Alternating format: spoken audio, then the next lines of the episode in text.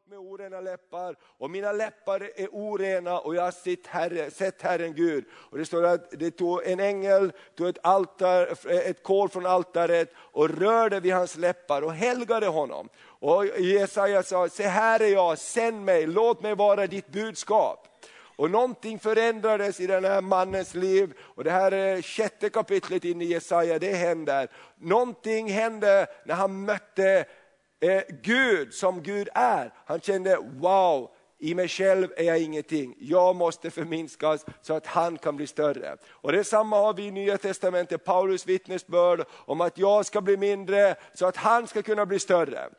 Och så har vi också, läste vi från Uppenbarelseboken, ifrån eh, eh, första kapitlet när Johannes på ön Patmos får en uppenbarelse av Jesus. Och det är ingen liten knubbig ängel med, eh, med vingar som svävar in där, utan när Johannes möter Jesus så, så faller han som död ner, står det. Därför honom han möter, han har, han har eld i sina ögon.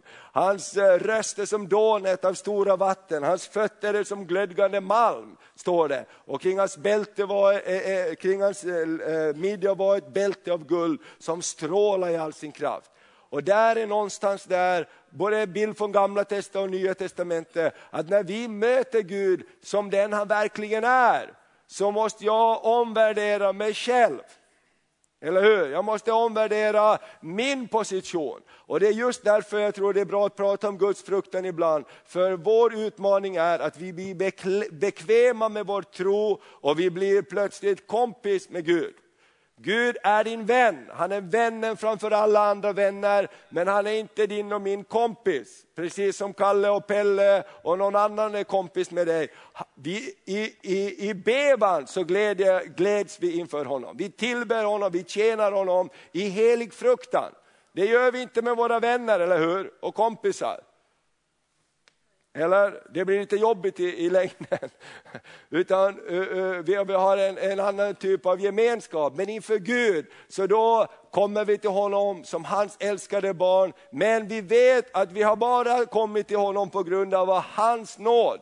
Och det är vårt gensvar på vad han har gjort på korset för oss. Och de här liksom förhållningssätten är viktigt att ha med sig i livet. För att här kommer också villoläror in. Det är på det här sättet avfall kommer in i Guds församling och in i våra liv som kristna. Därför vi börjar göra olika dealar kan man säga med Gud utifrån våra behov och vårt perspektiv. Och då fattas en viktig ingrediens och det är Guds fruktan för Guds skull så böjer jag mig. Och det talade vi om förra gången också. Guds fruktan, det handlar om att jag böjer mig inför Gud. Gud, du vet bäst. Ditt ord är mina fötters lykta och ljuset på min stig. Hjälp mig att vandra i Guds fruktan.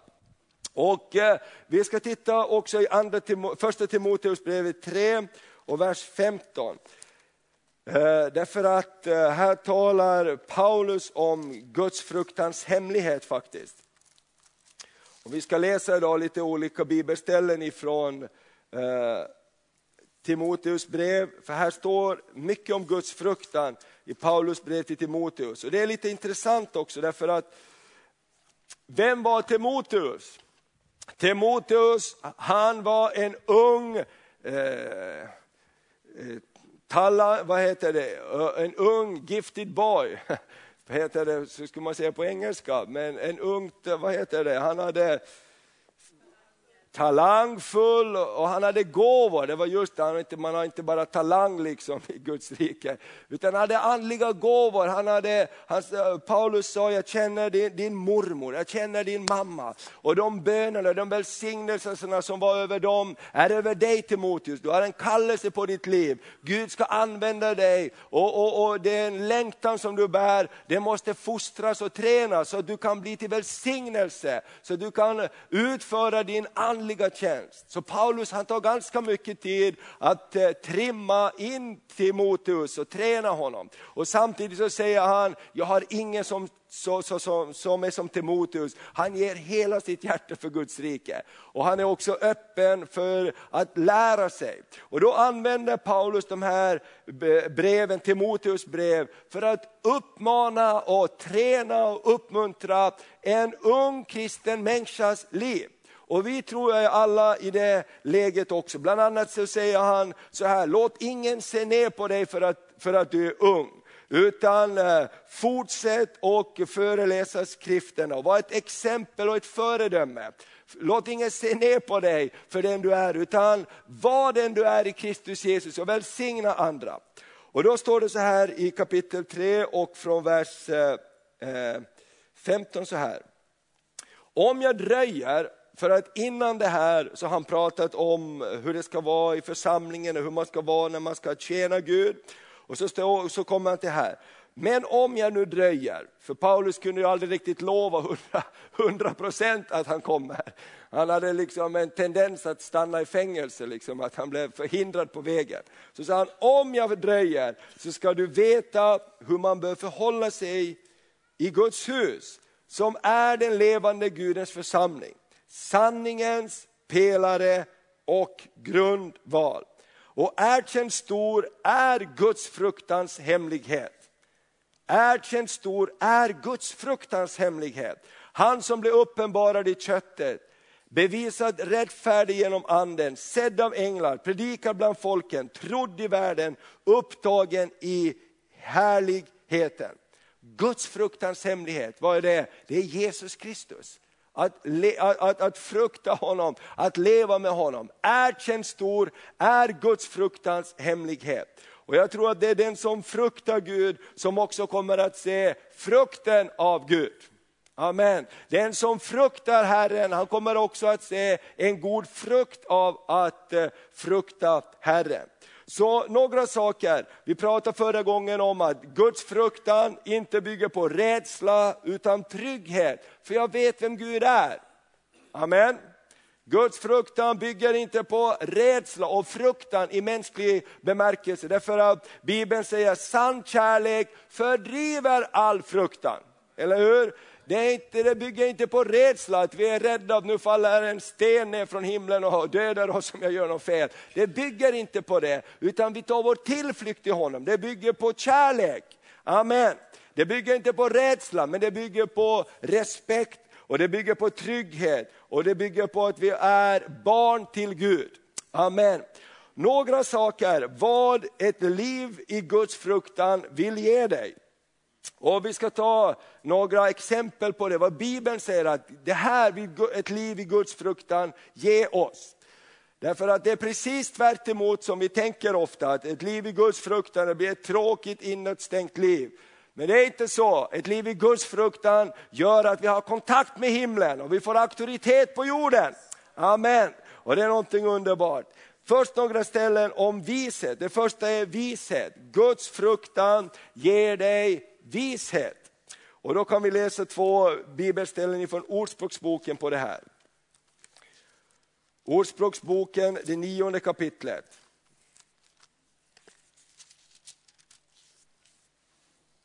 Guds fruktan ger dig vishet. Eh, Ordspråksboken 9 och 10 kan vi läsa. Då står det så här, att frukta Herren är början till vishet att känna den helige är förstånd. Att frukta Herren, Herren är början till vishet och att känna den helige är förstånd. Och genom mig ska dina dagar bli många och dina levnadsår förökas. Och det ska vi komma tillbaka till också. Guds fruktan är början på vishet. Och David säger så här, jag är till och med visare mina lärare för jag fruktar ditt namn.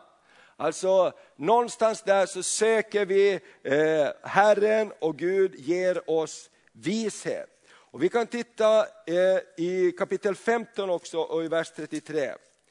Ett liv i Guds fruktan ger oss vishet i våra liv. Och eh, står det så här i vers 33. Herrens fruktan fostrar till vishet och ödmjukhet föregår ära. Herrens fruktan fostrar till vishet. Amen. När vi fruktar Gud så säger vi så här, jag vänder mig till dig Gud. Amen. Jag vänder mig till dig Gud, jag förlitar mig inte bara på mitt förstånd, utan jag vänder mig till dig Gud i allt. Och det ger oss vishet. Och vi har ju många exempel på det här i Bibeln, hur till synes enkla människor fick vishet från Gud, så att de kunde bli till välsignelse för sin samtid. Därför att uppenbarelse kom också från Gud. Och han kan uppenbara det som är dolt och det som är förborgat på olika sätt. Men vad ger det mera? Det ger också ledning. Vi ska titta i Psaltaren 25 och vers 12. Ett liv i Guds fruktan ger oss ledning. Vi nämner några bibelord här idag så får du studera mera själv. Men jag tycker att det är bra att vi tar den här tiden när vi har gudstjänst och läser Guds ord. Eller hur? Amen. Det var så jag lärde mig predika en gång i, i tiden när jag skulle uh, börja förstå att, att, Gud har en kallelse på mitt liv och det lönar sig inte att springa undan utan det bästa är att gensvara till den kallelsen. Och hur predikar man? Jo, man tar ett bibelord och så läser man det och så berättar man det en gång till. Okej, okay, nu kan du också predika. Se inte så förvånad ut. Det är precis som man gör, man läser ett bibelord och så berättar man det bibelordet, vad Gud har uppenbarat i det bibelordet. Och det liksom gör det lite enklare. Okej, okay. Psaltaren 25 och 12, då står det så här. Den som fruktar Herren får undervisning av honom om den väg han skall välja. Den som fruktar Herren får undervisning av honom om den väg han ska välja. Och det här har vi många bibelord på. Men Guds fruktan ger dig ledning i ditt liv. Vill ge dig ledning och inriktning för ditt liv. För den väg vi ska välja. Och det här är ju hela tiden både med, med vishet och med ledning. Det är någonting som man genom historien har gjort. Alla de stora vetenskapsmännen, eh, Isaac Newton och många andra var också Guds män som trodde på Gud. Många av dem hade teologisk utbildning och på den tiden gick det hand i hand också. Och, och man satte inte eh, empirisk vetenskap och Guds tro emot varandra. Utan Isaac Newton sa, för att Gud har skapat det så här fantastiskt. Jag förstår att Gud har gjort det här, men jag vill ta reda på hur det fungerar. Jag vill ta reda på hur det fungerar, det Gud har skapat. Så det behöver inte vara en motsättning i det. Och, och den här Isaac Newton, det är en sån fantastisk berättelse om den pojken. Och, och, och hur han var ett hopplöst fall. Hans mamma eh, eh, var ensamstående med Isaac i, i ung, ung ålder, så blev hon ensamstående. Och, och, för en ung kvinna på den tiden var det inte så lätt att leva ensam med ett barn. Och då var det en annan man i en annan by som var faktiskt en präst och han var inte en så god hjärtad man, men han friade till henne och, och sa gift dig med mig. Och den här mamman hon såg hus och hon såg en tryggad framtid. Och pappan sa, eller den här mannen sa, det enda som jag begär det är att du kommer ensam och inte tar ditt barn med. Jag ville bara ha dig. Och då så blev Isaac Newton som en liten pojke lämnad till hennes föräldrar. Och han sa under hela min uppväxt så blev jag uppväxt och jag hatar min mamma. Jag hatar den här mannen som kom och tog min mamma ifrån mig. Och när han gick i skolan, så, så när man är uppfylld av hat så blir det inget bra, eller hur? Och så Det betyder att efter ett tag så kunde de inte ha kvar Isaac i skolan. Och man skrev ett papper som finns kvar fortfarande idag. Isaac Newton, han är obändlig, han är, han är, han är, han är, han är omöjlig, det är omöjligt att lära honom någonting. Han är opasslig för skolan, så vi skickar hem honom.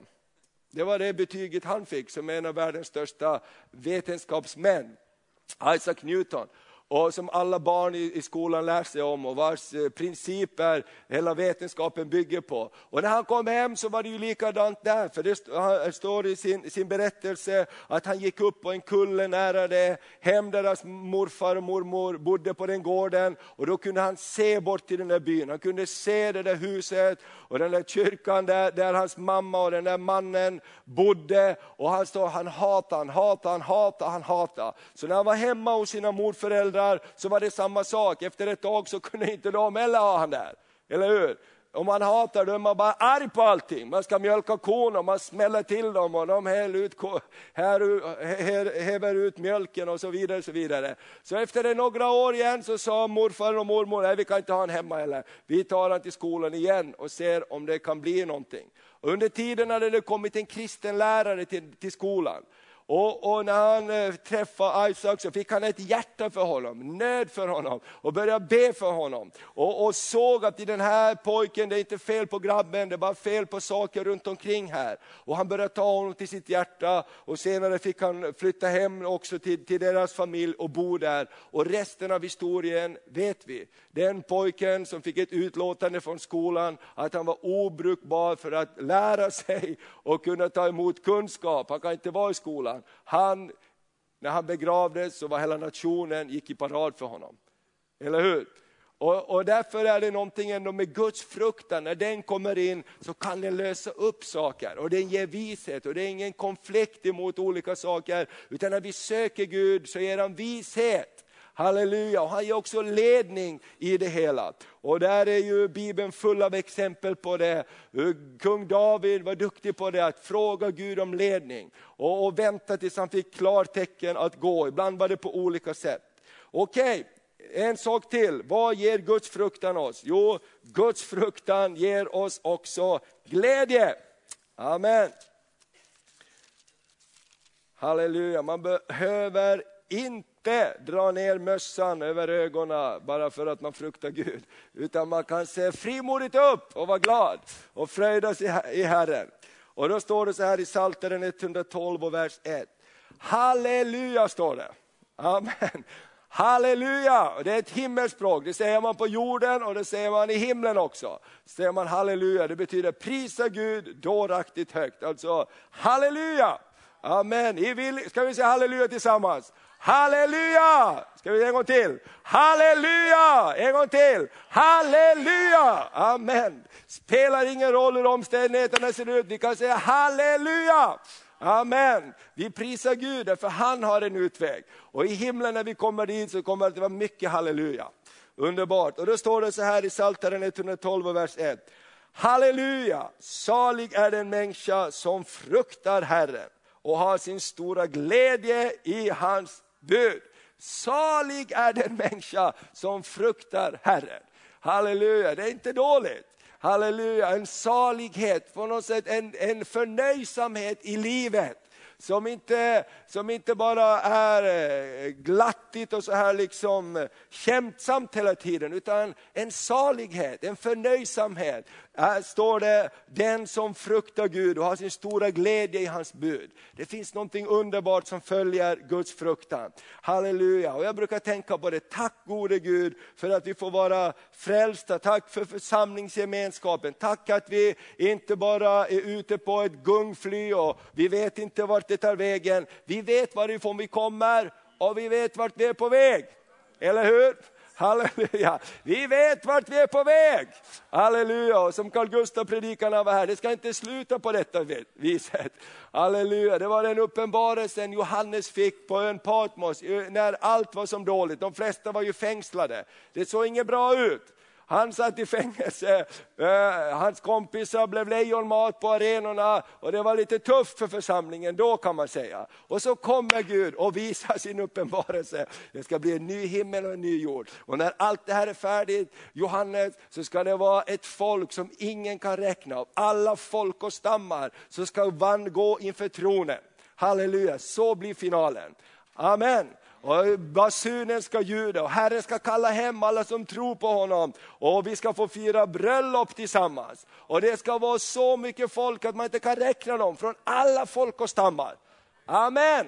Halleluja, så det är någonting underbart. Så att ha glädje inför Herren på grund av att vi fruktar honom. Vi vet att han inte överger oss, vi vet att hans löften är sanna. Mera, vad ger det mera? Det ger välsignelse. Och eh, man kan läsa i femte Moseboken 28 om det, men vi ska inte göra det utan vi läser i Ordspråksboken istället.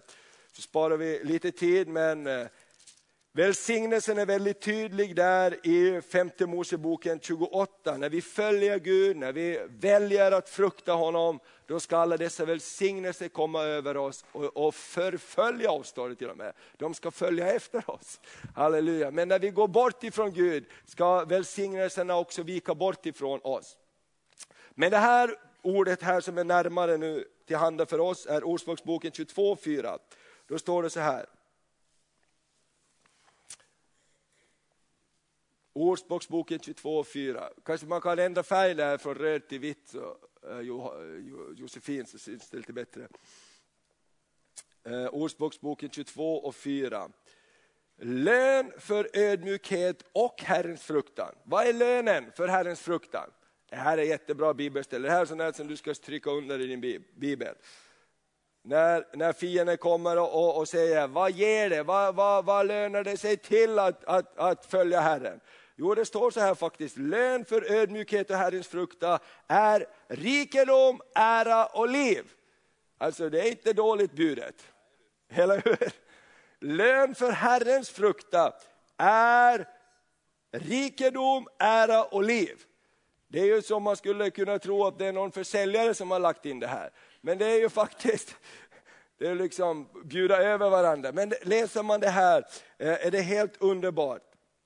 Och eh, eh, Bibeln talar om det. Och så säger han bara några verser ner här i samma kapitel, i vers 6. Vänd den unge vid den väg han bevandrar så ska han inte vika därifrån när han blir gammal. Därför det finns en välsignelse som följer att, i att frukta Herren. Amen, vågar du tro på det? Ja, men hemska saker, vad ska hända med rikedom, ära och liv? Jo, så att du kan dela med dig och bli till välsignelse för ännu fler. Och jag tror att alla som sitter här idag, när vi tittar tillbaks på våra liv, så har inte Gud eh, bara tagit saker ifrån oss, utan han har välsignat oss. Eller hur? Jag tror de flesta av oss som sitter här och som lyssnar, du har det bättre idag än du hade det för tio år sedan när du har följt Herren. Amen. Du har det bättre i ditt liv idag, därför att du har följt Herren. Halleluja, han vill välsigna dig på olika sätt. Ja, det här är så fantastiskt eh, bibelställe så att eh, det är helt underbart. Ska vi läsa det här tillsammans? Lön för ödmjukhet och Herrens fruktan. Ska vi läsa tillsammans? Lön för ödmjukhet och Herrens fruktan är rikedom, ära och liv. Wow. Vi går vidare, löfte om liv. Vad, är, vad ett liv i Guds fruktan ger dig? Jo, det ger dig löfte om liv. Både här på jorden men också in i evigheten. Och vi kan titta faktiskt i Ordspråksboken medan vi är där. Uh, Ordspråksboken, uh, det står första Timoteus 4.8 där, låt det stå kvar där. Och när vi är, så ska jag berätta för dig att i Ordspråksboken eh, uh, 10 och 27 kan vi läsa. Eh, Eh, så har vi några löften både från gamla och nya testamentet. Ordspråksboken 10 och 27 säger så här. det, här ordspråksboken det är helt fantastiskt. Va? Herrens fruktan står det. Ordspråksboken 10 och 27. Herrens fruktan förlänger livet men det ogudaktigas år blir förkortade. Alltså det är inte dåligt. Herrens fruktan förlänger livet. Amen. Vilken kur! Ja, det är faktiskt vitaminkur. Gör det här, dina skrynklor kommer senare. Nej. Eh, Herrens fruktan förlänger livet. Att frukta Herren förlänger livet, står det. Wow. I kapitel 14 och vers 27. Det är ju så otroligt som man kan eh, knappt eh, säga, men kan vi läsa det? Jo men det står ju i Bibeln, eller hur? Och eh, Ordspråksboken 14 och 27 säger så här. Herrens fruktan är en källa till liv. en hjälp att undgå dödens snaror. Ordspråksboken 14 och 27. Herrens fruktan är en källa till liv. Prisat vare Herrens namn. Halleluja, jag väljer att prisa Gud. Amen, jag väljer att följa Gud. Jo men det har du ser, fienden är, är, är liksom alltid vill visa på den kortsiktiga förlusten av att följa Gud. Medan Gud alltid visar på den långsiktiga vinsten i att följa Gud. Amen. För kortsiktigt så kan det vara uppoffringar, kortsiktigt så kan det se ut som att nej, men långsiktigt så är det alltid välsignat att möta Gud och att frukta hans namn. Och vi ska titta på det också. Men vi tar det här bibelstället i första Timoteus brev 4 och 8, det läste vi förra gången också. Ett liv i, i, i Guds fruktan välsignar oss inte bara här på jorden utan också i den tillkommande. Och så står det så här, kroppsövningar är i någon mån nyttigt. Det är nyttigt att gå på gym. Om man tittar, jag har hållit på att ta upp, eh, vi har segelbåten här i, helgen och då har jag varit nere och fixat med båten och vi har den där nere vid Sjögatan och då är det ett stort gym där, är det, vad heter, Friskigt och svettigt så de har stora glasrutor ut mot vägen där och det är fullt med folk där. Det är ofta alldeles fullt med folk där och man ser hur de står och, och svettas där och, och många står bara och snackar med varandra också, ärligt sagt. Men jag har ju varit på gym va? kör lite pumpa så står de och snackar halva tiden. Jag har varit på gym. Men i alla fall så vet folk det att det här är någonting som är bra för mig. Amen. Och tänk om Guds folk bara vi får samma tankesätt. Att kroppsövningar, visst det kan vara i någon mån nyttigt. Men Guds fruktan är på allt sätt nyttigt. Eftersom det har ett löfte om liv både för den här tiden och för den kommande tiden. Amen. Det är på allt sätt nyttigt att frukta Gud. På allt sätt nyttigt. Okej. Okay. Det ger oss också trygghet. I Ordspråksboken 14 och 26 så står det om att Guds fruktan ger oss trygghet. Vi kan ta det också. Det, vi var och läste 27 alldeles nyss här. Jag, men jag tycker den här vers 26 är så underbar också. Guds fruktan ger oss trygghet, inte bara för dig, men också för dina barn. Prisat vare Herrens namn. Eh, då står det så här, att den som fruktar Herren har ett tryggt fäste, hans barn får där en tillflykt. Den som fruktar Herren har ett tryggt fäste. Halleluja, hans barn får där en tillflykt. Och det tycker jag är någonting väldigt bra som förälder, att man tänker på det. Det är inte bara viktigt för mig att jag lever med Herren, det är också viktigt för mina barn. För oberoende hur det är för dem så kommer de att veta att pappa och mamma, de tror på Gud. Halleluja, jag hörde här, eh, Ulla sa att, att, att när, när hennes son fick reda på att nu vet mamma om att jag var i en kollision här, så vet de att det tar det inte länge innan hon har ringt kring till alla sina bönekompisar och satt igång en bönekedja här. Det här kommer att ordna sig. Tänk vilken trygghet. Se till att mamma får reda på det här nu så att hon kan sätta igång och sätta igång en bönekedja. För då kommer Gud att hjälpa här. Va? Ja, men det, är en, det är en tillflykt och en trygghet. Halleluja! Och jag vet det i mitt liv också, vilken trygghet det har varit och en styrka och en fasthet. Vi har alltid Gud att gå till. Vi har alltid Gud att gå till. Prisat vare Herrens namn. Så det ger oss trygghet i livet. Men hur växer då Guds fruktan till i mitt liv? Hur växer Guds fruktan till i mitt liv? Nu har vi läst om allt vad Guds fruktan ger oss och det är inte dåliga saker. Det ger oss vishet, ledning, glädje, välsignelse, löfte om liv, det ger oss trygghet. Och man kunde göra listan lång vad Guds fruktan ger oss. Men hur så växer Guds fruktan till i mitt liv? Och det är kopplat faktiskt till vårt praktiska liv i vardagen.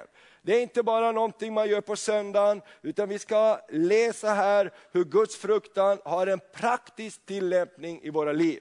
Och ibland också så kan man säga att Guds fruktan eh, kan växa till väldigt snabbt och drastiskt genom olika händelser. Och vi har en otrolig händelse, både i, vi har en i gamla testamentet och vi har också en i nya testamentet. I gamla testamentet är det ju David som ska föra upp arken till Jerusalem och man gör det lite lättvindigt, man har inte förberett sig så noga. Och en kille, han, när, när, när vagnen hoppar till när de åker över en sten, så blir han lite skraj att Gud ska gå sönder, att, att arken ska trilla ner. Så han börjar med egen kraft hjälpa till för att hålla upp arken. Och det gör att han trillar död ner. Och då blev alla jätteskraja och de lämnade över arken till Obededoms hus och där så börjar Gud välsigna Obededom och allt han har för arkens skull. Och när David får höra om hur Gud bara välsignar eh, och Obededoms hus för att han har tagit emot arken. Då sa han, kom låt oss föra upp arken nu till Jerusalem, men låt oss göra på ett annat sätt. Så står det att de gick sex steg och så offrade de inför Herren. Och så gick de sex steg till och så offrade de inför Herren. Det tog ganska lång tid att föra upp arken, men det står att de gjorde det med dans och med jubel och de prisade Herren. Och när Guds ark kom in i Jerusalem kom välsignelsen in. Men det fanns en som inte tyckte att det var speciellt liksom bra det där, eller hur, på vilket sätt de gjorde det. Och det var Davids fru Mikael. För det står att hon stod i fönstret uppe i slottet och tittade på hur David med all makt dansade inför Herren och prisade Gud. Och verkligen gav sig hen åt Herren. Inte 50%, inte 60% utan med hela sitt hjärta ville han frukta Gud och, och välkomna arken in. Och det står så att hon såg med förakt på David för det och, det, och Gud gjorde henne fruktlös, står det. Och, och, och, så, därför att hon inte, därför att hon inte eh, respekterade heller det sätt som David ville med all makt. Han sa, skulle jag inte göra allt vad jag har i min makt för att välkomna Guds ark till Jerusalem? Skulle jag göra det på något annat sätt? Det finns ingenting annat än att ge allt till Herren. Och det var Guds fruktan som, som skakade hela nationen där. I Nya Testamentet har vi en annan händelse som vi kan finna i Apostlagärningarna 5. Och om du läser i Apostlagärningarna 5 så finner du berättelsen om Ananias och Safira. Och det här är i Nya Testamentet. Och det här är en annan sak som verkligen skakar om hela den nytestamentliga församlingen. Att Gud är inte att leka med. Fast han är underbar, kärleksfull, god och sann så är han också helig och du kan inte göra hur som helst med honom. Och jag vet inte, vågar vi läsa Apostlagärningarna 5? Okej, okay, det står i Bibeln. Och det hände på Nya Testamentets tid i församlingen. Så någon form av eh, relevans har det idag, absolut. Eller hur? Och låt oss läsa det här, för det här är verkligen någonting som skakar om allihopa. Då. Och det här är precis det som händer som vi har pratat om, att troende människor börjar ta Gud för givet. Och man börjar känna, jag kan det här. Och man tappar den där Guds fruktan, den där respekten inför Gud. Och börjar känna, det här kan jag, det här vet jag. Och det är precis det som händer så här också. Och vi börjar då att läsa i kapitel 4. Därför att här så att vi får se sammanhanget. Apostlagärningarna 4 och eh, från vers 32. Skaran av dem som trodde var ett hjärta och en själ och ingen enda kallade något av det han ägde för sitt, utan de hade allt gemensamt. Med stor kraft frambär apostlarna vittnesbörd om Herren Jesu uppståndelse och stor nåd var över alla. Ingen av dem led någon nöd. Alla som hade jord eller hus sålde vad de ägde och bar fram var och en det han hade fått för den sålda egendomen. Och de lade ner betalningen för apostlarnas fötter och man delade ut åt var och en efter vad han behövde. Josef som var en levit och född på Cypern och som apostlarna kallade Barnabas, det betyder tröstens son ägde också en åker. Den sålde han och bar fram pengarna och lade dem för apostlarnas fötter. Det var liksom en rörelse som var igång här, det var lite inne att göra så här. I, i, i det som hände just då. Och så står det så här, en man som hette Ananias sålde tillsammans med sin hustru Safira en egendom. Med sin hustrus vetskap så tog han undan något av köpesumman och bar fram en del och lade det för apostlarnas fötter. Då sa Petrus, Ananias, varför har Satan uppfyllt ditt hjärta? Så att du ljög mot den helige Ande och tog undan en del av pengarna för jorden. Grejen var inte det att han gjorde det, utan grejen var på vilket sätt han gjorde det. Och så fortsätter Petrus, var inte egendomen din så länge du hade den kvar. Och när den var såld var inte alla pengar dina. Varför har du, i ditt hjärta bestämt dig för att göra något sådant? Du har ljugit, inte bara för människor utan för Gud. Snacka om förändring i atmosfären i församlingen. När Ananias hörde de orden föll han ner och dog. Och stor fruktan kom över alla som hörde det. Och det är inte nog med det. De yngre männen kom och svepte honom, bar bort honom och begravde honom. Omkring tre timmar senare så kom, så kom hans hustru in utan att veta vad som hade hänt. Och Petrus frågade henne, säg mig, sålde ni jorden för det, det och det beloppet? Hon svarade, ja, för så mycket. Petrus sade, varför har ni kommit överens om att fresta Herrens ande?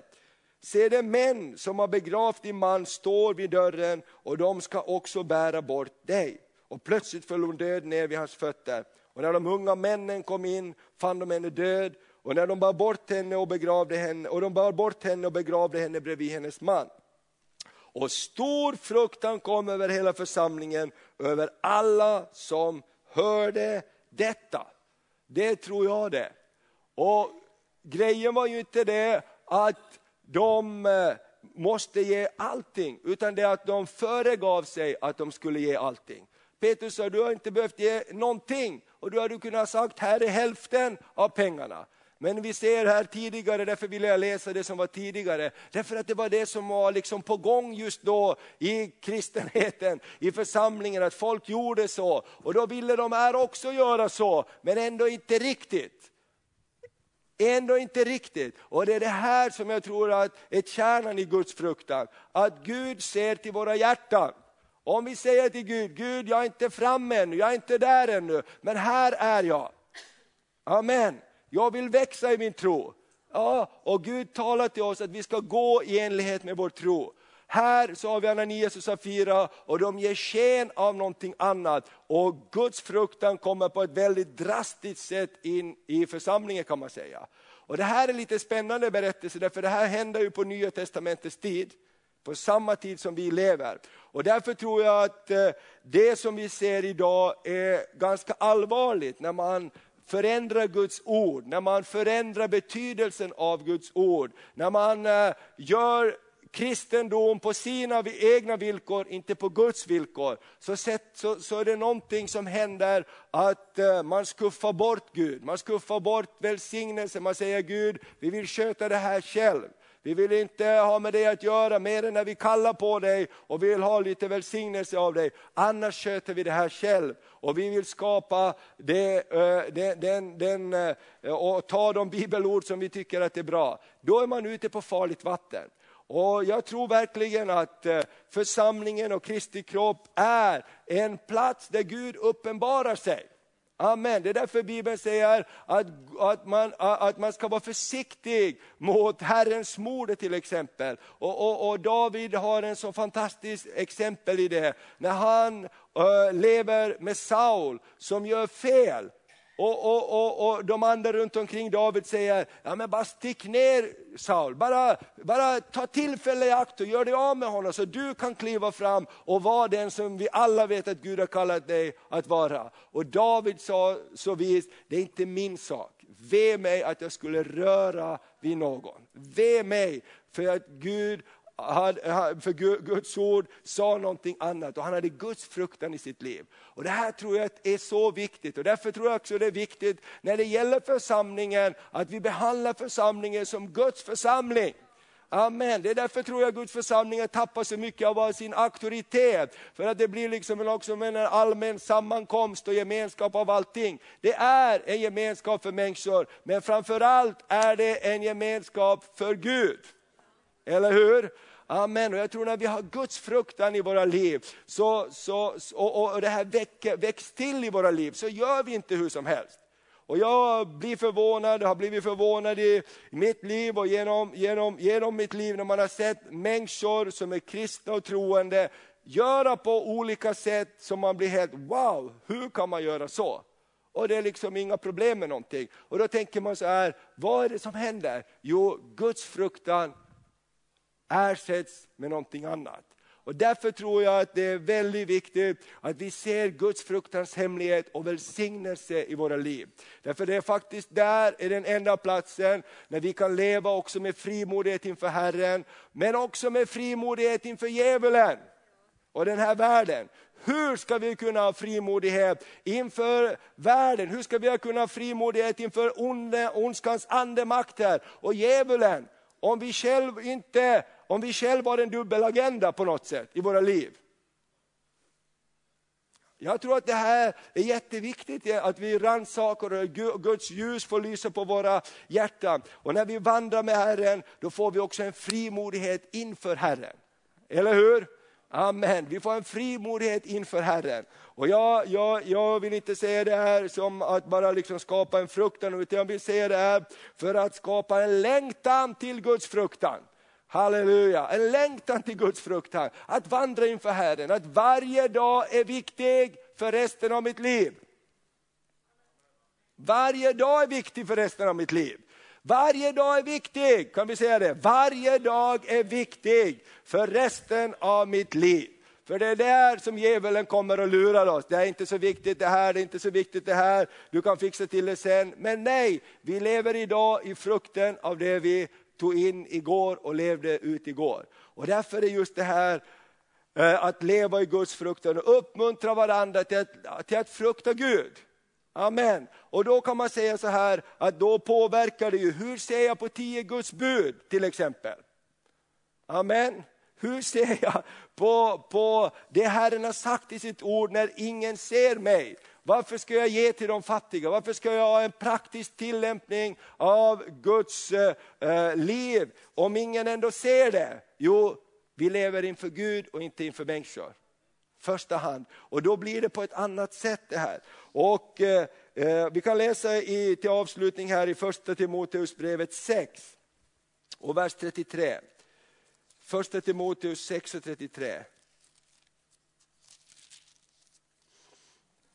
Jag tänker det här när det gäller tionde givande, när det gäller många andra saker. Det är ingen som vet vad vi ger. Det är ingen som vet vad jag ger. Men Gud, inför Gud så gör jag det. Eller hur? Det är ingen som vet om mycket i ditt liv, så det är ingen människa som vet. Och du kan leva hur som helst nästan, därför det är ingen som sitter och kikar in i ditt fönster eller så på det sättet. Men lever vi våra liv inför Gud med Guds fruktan, då får vi ju allting en annan liksom spegel som speglar våra liv. Eller hur? Då speglar det våra liv och jag vet att jag lever inte bara för mig själv, jag lever inför Gud. Och min målsättning är, och vår målsättning som kristna ska kunna vara så här. Vi ska leva ett liv så att vi kan säga till vem som helst att gör som jag så kommer du att komma närmare Kristus. Det var vad Paulus sa. Följ mig så som jag följer Kristus. Och det är väldigt utmanande, men det är bra att tänka på det sättet. Vad gör jag i mitt vardagsliv? Gör jag saker i mitt vardagsliv som jag inte vill berätta om och, och, och uppmuntra andra att göra? Ja, ändra på det då. Det är väldigt enkelt. Och kan man inte det, då måste vi be tillsammans och få hjälp. För det är också en annan del av verkligheten. Ibland så kanske man har kommit in i saker som man inte kan komma ur själv. Och då kan man be för varandra, då kan man hjälpa varandra att bryta olika mönster, så livet kan börja flöda igen. Amen. För att vi har ju ansvar om det, vi ska avsluta med det sen lite grann. Men titta på första Timoteusbrevet 6 här. Och eh, från eh, vers 3.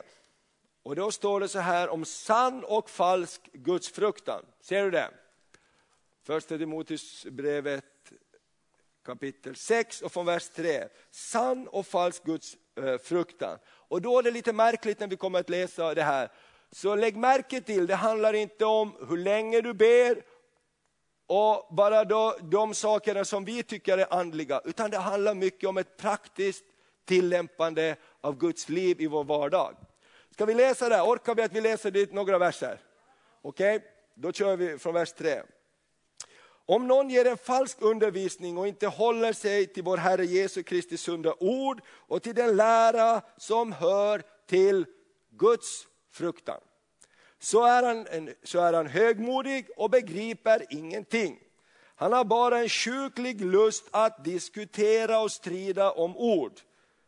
Sådant väcker avund, kiv, smedelser och misstankar och leder till ständiga tvister mellan människor som är fördärvade i sitt sinne och har vänt sig bort ifrån sanningen och som menar att Guds fruktan är en god affär för mig.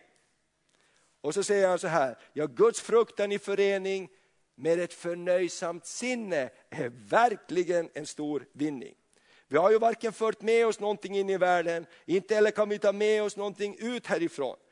Har vi mat och kläder ska vi vara nöjda med det. Men de som vill bli rika, de råkar ut för frestelser och snaror och många oförnuftiga och skadliga begär som störtar människor i fördärv och undergång. Ty kärleken till pengar är en rot till allt ont. Kärleken till pengar är en rot till allt ont. I sitt begär efter pengar har somliga kommit bort ifrån tron och vållat sig själv mycket lidande. Men du Guds man, håll dig borta från sådant. Sträva efter rättfärdighet, Guds fruktan, tro, kärlek, uthållighet och ödmjukhet. Kämpa trons goda kamp. Sök att vinna det eviga livet som du blev kallad till och som du bekände dig till genom att inför många vittnen avlägga den goda bekännelsen. Inför Gud som ger liv åt allt och inför Kristus Jesus som inför Pontius Pilatus avlade den goda bekännelsen uppmanar jag dig, bevara det som han har befallt rent och oförfalskat till vår Herre Jesu Kristi ankomst.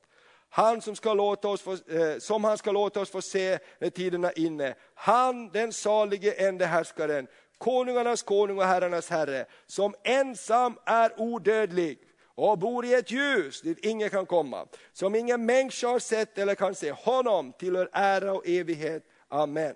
Och uppmuntra nu de som är rika i den här världen att inte vara högmodiga eller att sätta sitt hopp till någonting så osäkert som rikedom, utan till Gud som ger oss rikligen allt att njuta av.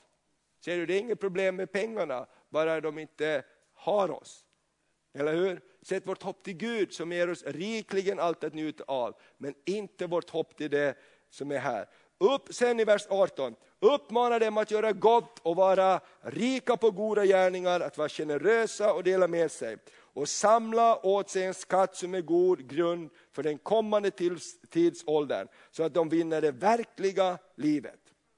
Käre Timoteus, bevara det som har överlämnats åt dig och vänd dig bort från det oandliga och tomma pratet och invändningar som kommer från det, det som kallas kunskap utan att vara det. Somliga har kommit bort ifrån tron genom att bekänna sig till den kunskapen. Nåd vare med er. Amen. Det här är ju väldigt praktisk tillämpning av Guds fruktan i allt som möter oss i livet. Och det här kunde ju vara lika bra skrivet 2011, eller hur? Ja, prat och begär och girighet och vassa armbågar för att komma fram och pengar i centrum. Och Paulus säger så här, allt det där finns, låt dig inte uppslukas av det, utan ha Guds fruktan och uppmana alla istället att leva ett liv värdigt Gud och dela med sig och rikligen njuta av det Herren har välsignat dig med, men inte lev för det. Väldigt praktisk tillämpning av Guds fruktan i våra liv. Vet du vad som händer när vi ger till Gud till exempel? Då bryts någonting. När du ger tionde av dina pengar, då helgar du dina pengar. Du omkär dina pengar. Du säger, jag förlitar mig inte bara på mig själv, Gud jag förlitar mig också på dig.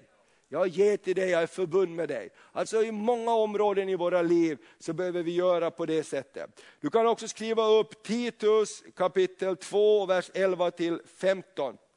Vi läser inte det, men det handlar precis om det här också. Guds fruktan måste få ett praktiskt uttryck i våra liv för att vara en sann Guds fruktan. Och eh, vad är då till slut Guds fruktan? Guds fruktan Jo, det är att leva med evigheten framför sina ögon. Och då ska vi eh, titta på det allra sist här. Vad är Guds fruktan i mitt vardagsliv? Jo, det är att leva med himlen framför mina ögon. Vet du vad, du och jag vi är eviga skapelser. Du och jag vi är inte till bara för en kort tid på jorden. Vi är skapade till Guds avbild för att leva i evighet tillsammans med Gud, om vi har valt Gud. Och det här tror jag är någonstans också en motor för oss när det gäller Guds fruktan. Vad händer när man får syndanöd? Vad händer? Hur många har haft syndanöd någon gång i ditt liv? Jag har haft syndanöd i mitt liv. Och vet, någon, och vet du vad det är? Då är det liksom att min liv speglas emot evigheten.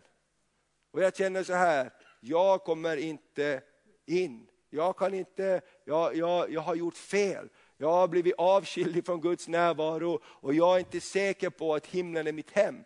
Det är syndanöd, det börjar bulta mitt hjärta. Jag kan vara hur säker som helst utåt, men kanske inåt så är jag inte övertygad om att jag har himlen i mitt hjärta och jag får syndanöd. Amen. Och det kan hända, det ska vi be Gud om, att det ska bli mera syndanöd, eller hur? Syndanöd. Vi hade så härligt när vi hade församlingshelg och då läste en broder i församlingen eh, ifrån en, en historiebok ifrån det området där vi var på den här lägergården. Och då sa han att, att, att det var tid, då stod det där hur det har varit tider av väckelse och syndanöd. Så att eh, gubbarna ute i skogsskojorna som var ute och, och, och, och eh, högg timmer, plötsligt så kom syndanöd över dem. Och de kände, jag är inte klart med Gud. Om jag dör, jag är inte klart med Gud. Och de gick genom snön och de gjorde vad som krävdes för att komma till någon som kunde be för dem. Och de kunde bekänna sin synd och säga, jag måste ha emot frälsning, annars så vet jag inte hur det är, jag kommer gå förlorad. Och det är det någonstans som är Guds fruktan också. Och när vi tappar det perspektivet i vardagslivet, hur många har varit där någon gång? Man känner, vad spelar det för roll? Liksom livet går bara på och den här syndanöden är ju inte där alla dagar kan man säga. Om man tappar lite perspektivet också i Guds fruktan, då så kan man lätt dras åt olika håll. Och jag nämnde tidigare en av eh, de stora gudsmännen, i modern tid som, som föll i synd på ett område i sitt liv och man intervjuar honom, jag glömmer det aldrig. Och han och den här som intervjuar honom frågar, hur kunde det här hända dig, du som var som, så stor gudsman. När slutade du älska Jesus, frågar reportern. Och han sa med tårar i sina ögon, jag har aldrig slutat älska Jesus. Jag har älskat Jesus i hela mitt liv, jag älskar Jesus, men det kom en punkt i mitt liv när jag slutade frukta Gud. När jag slutade frukta Gud, Guds fruktan var inte så stark i mitt liv. Och plötsligt så började jag kunna göra saker för jag blev bekväm med Gud. Och då drog mig åt helt fel håll. Och Det här tror jag är så viktigt, att vi har en agenda i vårt liv och vi uppmuntrar varandra till Guds fruktan. Eller hur? Uppmuntrar varandra att hålla oss på vägen på det sättet. Och då står det ju så här, eh, har jag sagt något bibelord? Nej. Jag kan säga, vi ska läsa ur Uppenbarelseboken till slut, men du kan skriva upp om du vill, Filipperbrevet 2 och 12. Där står det så här i Filipperbrevet 2 och 12 att du ska arbeta med fruktan och bevan på din frälsning. Och sen kan vi slå upp eh, Uppenbarelseboken 20 och vers 11. Uppenbarelseboken 20 vers 11. Halleluja. Så Paulus i Filipperbrevet uppmanar oss att arbeta med fruktan och bevan på vår frälsning så vi når målet. Och vad är målet? Ja, målet är, ska vi läsa om här i Uppenbarelseboken 20. Sen ska vi avsluta här. Då står det så här, Uppenbarelseboken 20. Om en ny himmel och en ny jord och att en dag så ska vi alla stå inför Guds domstol.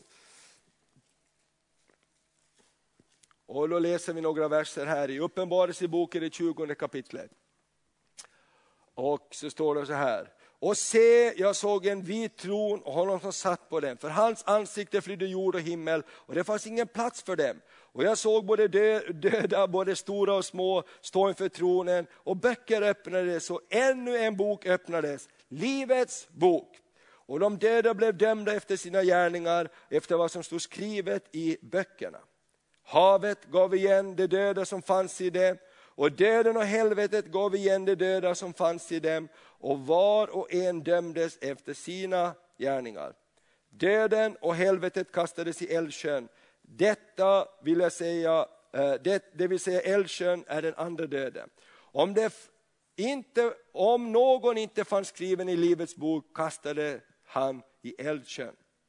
Och jag såg en ny himmel och en ny jord, till den första himlen och den första jorden hade försvunnit och havet fanns inte mer. Och jag såg den heliga staden, det nya Jerusalem, komma ner från himlen, från Gud, redo som en brud som är smyckad för sin brudgum. Och jag hörde en stark röst från tronen säga, se nu står Guds tabernakel bland människor och han ska själv bo hos dem och det ska vara hans folk och Gud själv ska vara hos dem. Och han ska torka alla tårar från deras ögon, döden ska inte finnas mer och ingen sorg och ingen gråt och ingen plåga, ty det som förr var är nu borta. Vad är det här? Jo, i Bibeln så står det här i kapitel 20, vers 15. Om någon inte fanns skriven i Livets bok så kastades han i eldsjön. Vilken avslutning på predikan. Men om man tänker det är som i Guds fruktan. Böcker ska upplåtas en dag när vi står inför Guds tron. Och där ska vi göra räkenskap, det står inför varje ord vi har sagt. Det är det som Bibeln säger, vi ska stå inför Guds domstol och då ska du stå med ditt liv, jag ska stå med mitt liv och jag ska också stå lite grann med ditt liv. För det står så att inte så många ska uppträda som lärare för han ska få en dess strängare dom. Därför be för mig. Ja det är säkert, det står så. Och, och, och, och därför står det också att, att, man ska be för sina ledare och pastorer, för man ska få en del strängare dom. Jag har ett ansvar för jag har undervisat dig när du har gått i kyrkan. Om jag har pratat saker som har fört dig på vilso, villevägar så har jag, kommer jag att få stå till svars inför det. Men du kommer att stå till svars för ditt liv. Och böcker ska upplåtas. Om någons namn inte finns skrivet i Livets bok ska han inte kunna gå in i det nya Jerusalem. Och Det här tycker jag måste ju ändå vara drivkraften för oss när det gäller också Guds fruktan. Inte bara för den här jorden utan också för den tillkommande. Amen. Jag vill inte missa himlen. Vill du missa himlen? Vill du missa himlen? Nej. Därför tror jag att Guds fruktan är någonting verkligen som du och jag får arbeta med varje dag. Och när du märker att någon kompis drar åt något annat håll och börjar kompromissa med det ena och det andra och börjar som det står här, eh, dras till den så kallade kunskapen. Du vet det finns alltid någonting som säger att Guds ord betyder inte det här, utan det betyder det där. Och då börjar man fara vilse åt olika håll. Så låt oss be för varandra, dra varandra närmare, och ropa för varandra, bära varandra, så vi alla når målet. Eller hur? Amen. Så det här är avslutningen på den här undervisningen just nu, Guds fruktans hemlighet. Och utan Guds fruktan, säger brevet, brevet, och helgelse så kan ingen se Gud. Så det är bara det som är vägen in, va? Guds fruktan och helgelse vi sa det förra gången, det går hand i hand. Guds fruktan och helgelse, ska vi säga det tillsammans? Guds fruktan och helgelse går hand i hand. Amen. Närmare Gud, närmare ljuset. Amen. Ska vi be tillsammans? Herre, vi tackar dig för den här förmiddagen. Tack att jag har fått stanna till inför ditt ord.